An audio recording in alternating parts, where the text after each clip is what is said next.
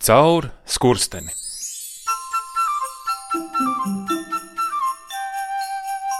Mazs, priecīgs eņģelītis, kurš staigāja pa visām mājām, palīdzēdams laimes mātei izdalīt dāvanas, svētku vakarā bija ieķēries skurstenī un netika nu vairs ne uz priekšu, ne atpakaļ. Viss būtu bijis labi, un viņš vakarā, darbu pabeidzis, varētu ar vieglu sirdi aizlidot uz savu zvaigžņu māju, ja nebūtu tā lieta ar dasu. Ar kādu dasu? Nu, ar to laimes dasu, kuru visi kāro un kura nevienam netiek. Jo kas gan ir laime? Tikai vilinājums un nekad piepildīšanās. Tā ir veca pasaka un tikpat jauna kā šā rīta sniegs. Viņi gāja no mājas uz māju, virinādami durvis ar to saldo elpu, kura ir jau katrā priekšnamā, kad svētki stāv pie durvīm.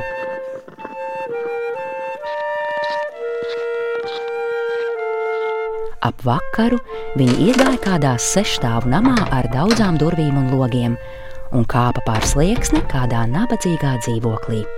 Vīrs un sieva sēdēja pie krāsnes un skatījās dziestošās oglēs.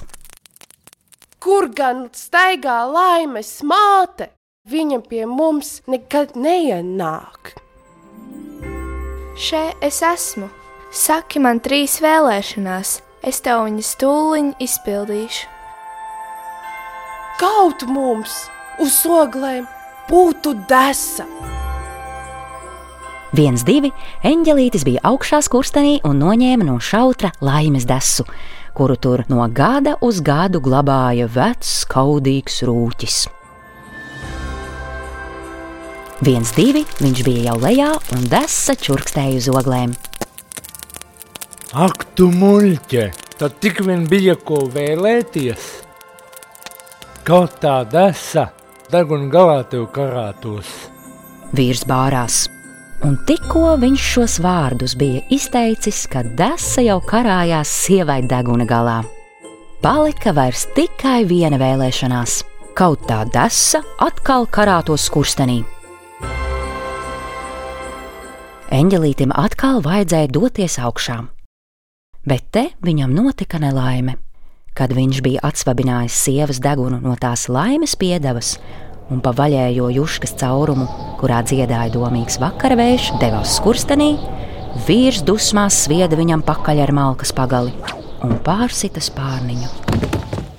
Viņš tik tikko uzrāpās augšā pie vecā mājas gara. Šī rūķi, tava desa, un nekārdiņa ar viņu vairs cilvēkus. Eņģelītis teica un ieķērās ar spārniem šautros, uz kuriem karājās neskaitāmas laimes desas un brūni nožāvēti pieticības čiņķi. Īdzīgi izstiepis lūpas, viņš atspieda galviņu uz rokas un klausījās. No lejas nāca augšā vaidi, nopūtas, raudāšana un bāšanās. Tur brēca kādas kurpes, kuras bija par mazām, tur kāda rota bija pārāk vienkārša un nevarēja nekādā ziņā atalgot ne lielo skaistumu, ne karsto mīlestību. Tur kāds neuzmanīgs bērns, kuram tēvs bija iedāvājis lēlīti, bija jau nometis viņu zemē un sasitis trauslo porcelāna galviņu. Ak, šīs mājas, gatavās skābuma ķērnes! Eņģelītis nopūtās. Viņš būtu labprātāk pacēlies augstu gaisos, kur zvaigznes jau pulcējās korī, lai uzņemtu priecīgo Ziemassvētku dziesmu, bet viens spārniņš bija saburzīts, un viņš nevarēja viņu pakustināt. Eņģelītis nokāra galviņu, un viņa skaidrajās acīs, kuras glabāja sevī visus debesšķīgā prieka dziļumus, spiedās dūmi un asaras. Vai tiešām šī jaukā nakts man būs jāpavada skurstenī? Viņš berzēja ar abām dūrēm acis, kurās nežēlīgi koda sīvie zemes dūmi, un raudāja rūkti un skaļi kā ielas zēns, kurš vakarā pazaudējis savu bagotos grašus. Un tad viņš vēl juta, ka uz spārniem sāk birt kvēpi. Kaut kas žvarkstādams nāca pa skursteni lejā. Divas, trīs augstas sniega pārslas nokrita uz eņģelīša sakarsušajiem vaigiem, un viņu apņēma salda skuiņu smarža. Sargādams acis no kvēpiem, eņģelītis paskatījās augšup. Kupla zaļa eglīte! Jūs varat tam ticēt! Īsta priecīga Ziemassvētku eglīte, kā dancodama pacēlās te augšā, te lejā, berzēdamās gar skursteņa sienām un visapkārt notriekdama kvēpus. Viņa laidās arvien zemāk, viņas vēsās asās skujas jau metās eņģelītim pie spārniem, un viņas zaļos pinkainos zaruvas ieķērās viņa matu zelta pavadieni. Ko nu darīja eņģelītis? Zināms, viņš iesēdās eglītes zaros un brauca augšā.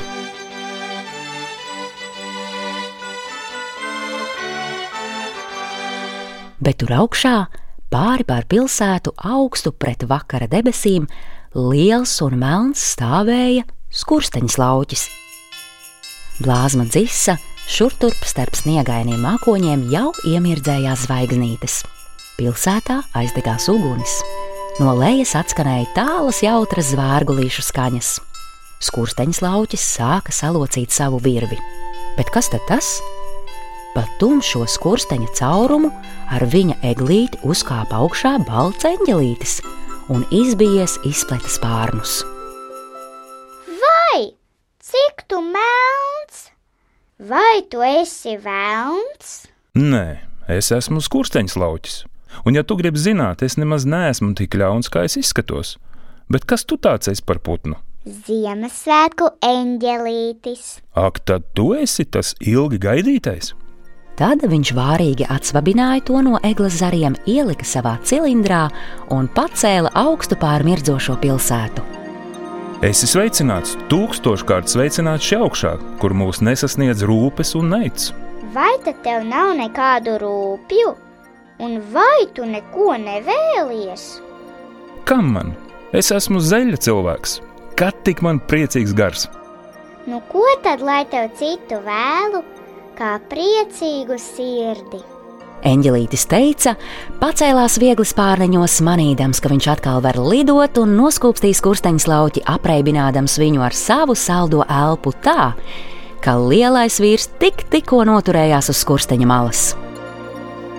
Tad eņģelītis pacēlās gaisos un aizlaidās, pievienodamies gaišai debesu draudzībai, kuras spārnu svinīgā drūzmēšanās jau bija dzirdama zvaigžņotajā telpā. Bet, kad skursteņš lauķis pēc vecā Rīgas ieraduma ar cilindru rokā uz jauno gadu apstaigāja namsaimniekus, kas tur sabīra sīkas naudas? Brīnums, cik šogad laimīgs mans vecais cilindrs. Varbūt tikai tāpēc, ka tajā sēdējis Ziemassvētku eņģelītis.